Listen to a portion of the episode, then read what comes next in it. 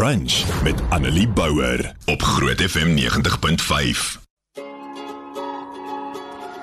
In vandag se spreeklewe gaan ek iets herhaal wat ek al reeds oor gepraat het. Um, ek is nie eers seker wanneer nie, dalk 'n jaar of 2 terug, maar partykeer moet 'n mens net weer iets hoor uh sodat uh, jy dit net weer kan onthou. Dalk as jy nou in 'n ander seisoen in jou lewe, dalk is, jy, is jy op 'n ander plek en uh, dalk het jy net vergeet van dit. So ons kyk vandag na Matteus 14 vers 28 tot 31 waar Petrus op die water loop. So jy ken die storie baie goed. As kinders leer ons uh, dit baie en ons leer dit as 'n storie waar Petrus 'n klein gelowige is en dan word daar vir ons gesê moenie 'n klein gelowige wees nie, maar ek sê altyd ek het nog altyd die ander kant van die storie gesien. So daar staan uh die so die disippels was nou in hierdie skuit gewees. Daar was 'n ongelooflike storm. Uh Jesus het gesê hy sal aan die ander kant kry. 'n Ongelooflike storm, soveel sodat die disippels begin bang word het, um begin skree het, gewonder het um vir die Here gevra om hulle te red. Nou moet jy besef, meeste van die disippels was vissermanne. Hulle het die water geken. Hulle die hulle die see geken, want hulle is nie regtig gesien nie, see van Galilea, maar jy weet wat ek bedoel. Hulle het, hulle het dit geken en hulle was bang wys ek vir jou hoe erg die storm was. En uh Jesus kom toe op die water na hulle toe aangeloop en Petrus sê vir hom: "Here, as dit regtig U is, beveel my om op die water na U toe te kom." "Kom," sê hy. Petrus het uit die skuit geklim, op die water begin loop en naby Jesus gekom. Maar toe Petrus sien hoe sterk is die wind, het hy bang geword en begin sink en uitgeroep: "Here, red my!" Dadelik het Jesus sy hand uitgesteek, hom gegryp en vir hom gesê: "Klein gelowige, waarom het jy begin twyfel?" Nou, ek dink baie keer dit is soos wanneer mense WhatsApp stuur. Dit gaan oor die stemtoon waarmee jy dit lees. Ehm uh, jy kan hierdie of lees as klein gelowige, hoekom twyfel jy? Of jy kan dit lees as Jesus wat wat met liefde vra: "Klein gelowige, waarom het jy begin twyfel?" So, my kind, wat het gebeur? En dis hoe ek dit nog altyd gelees het.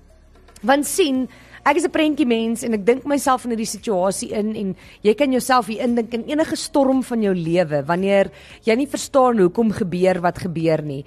Hoe wanneer jy alleen voel, wanneer jy nie die Here kan hoor of sien nie, wanneer dit vir jou voel of jy alleen is en die en die Here nie daar is nie. Wanneer jy kwaad is, wanneer jy hartseer is, wanneer dit swaar gaan. Dit is die storms in ons lewe. Die enigste verskil is, mense praat altyd oor Petrus wat klein gelowig was, maar ons vergeet maklik dat Petrus is die enigste van die disippels wat die geloof gehad het om uit daai boot uit te klim. Nie een van die ander het dit gewaag nie. Hy het letterlik Jesus so vertrou dat hy uit daai boot uitgeklim het en op die water na Jesus toe geloop het en dit kon regkry om op die water te loop. Nou moet jy besef, dink jouself in hy's in hierdie storm, dink hoe bang was hierdie vissermanne op daai boot oor hoe groot die golwe is, hoe sterk die wind is en hulle het gedink hulle gaan doodgaan. Nou loop hy op in hierdie storm op hierdie water. Dis nie 'n plat gladde spieël nie. Hy loop en die golwe is groot en die reën is in sy oë en die wind is in sy ore en in my hierdie is net my opinie maar dis hoe ek hierdie storie sien in my opinie en in my stories en in my gedagtes sien ek hoe Petrus sukkel om Jesus te sien met die reën in sy oë en die golwe wat te groot is. Hoe hy sukkel om Jesus te hoor met die wind wat in sy ore suis. Hoe die golwe al hoe groter word en hy kan nie meer vir Jesus sien nie en hy kan hom nie hoor nie en hy begin twyfel. En ek dink dit is die ding. Ek dink nie Petrus het noodwendig in Jesus getwyfel nie net my opinie, maar ek dink nie Petrus noodwendig net in Jesus getwyfel nie. Ek dink hy het in homself begin twyfel. Hy het begin in sy eie geloof twyfel.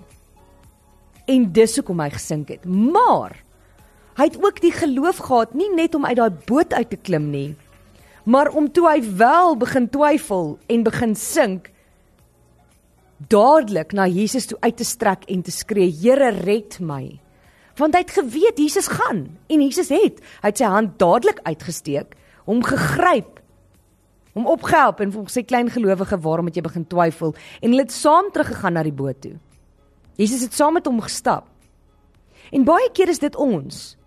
Ons is in hierdie storms van die lewe en al wat ons kan sien is hierdie groot golwe wat ons wil oorweldig en oor ons koppe wil slaan.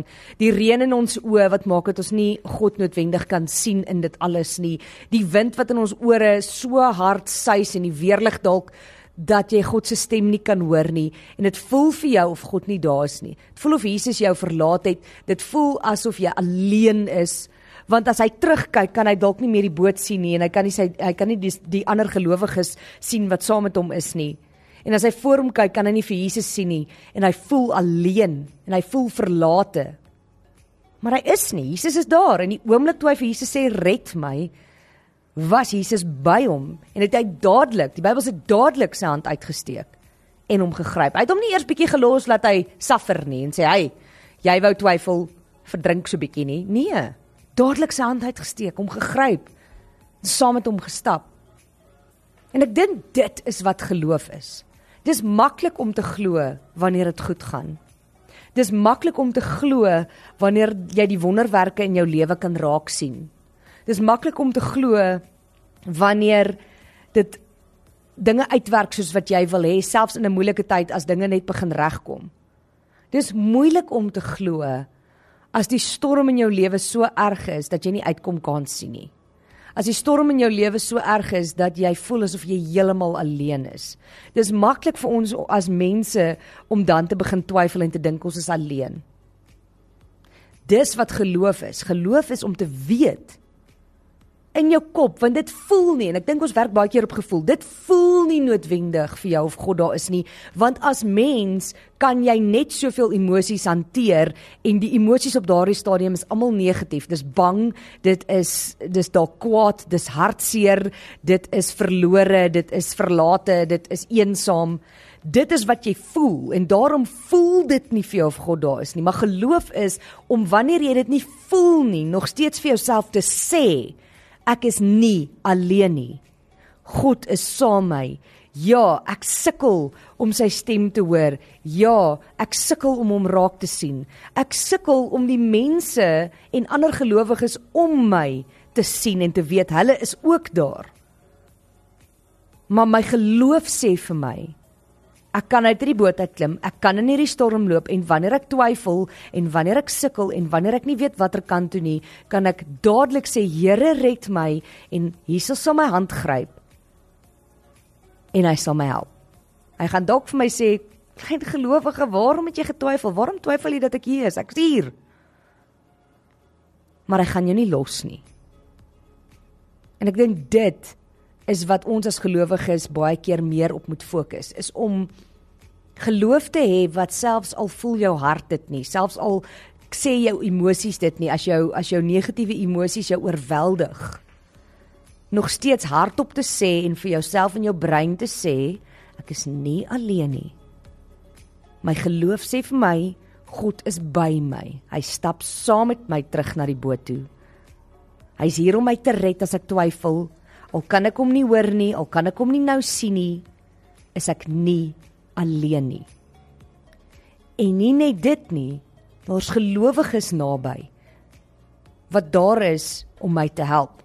Vriende, familie wat daar is om my te omvou met liefde, selfs al verstaan hulle nie noodwendig waartoe ek gaan nie, selfs al voel dit vir my asof hulle my nie kan help nie. So dis my 2 sent vir vandag. Hier's Casting Crowns. Ek dink hierdie pas baie mooi hierby. Hierdie een se naam is uh, Praise You in the Storm en ek dink dit is presies wat ek vandag ook wou sê is om die Here nog steeds te loof en prys al voel jy dit nie. Al gaan dit moeilik, al gaan dit swaar. Annelie Bouwer, weekoggend tussen 9 en 12 op Groot FM 90.5.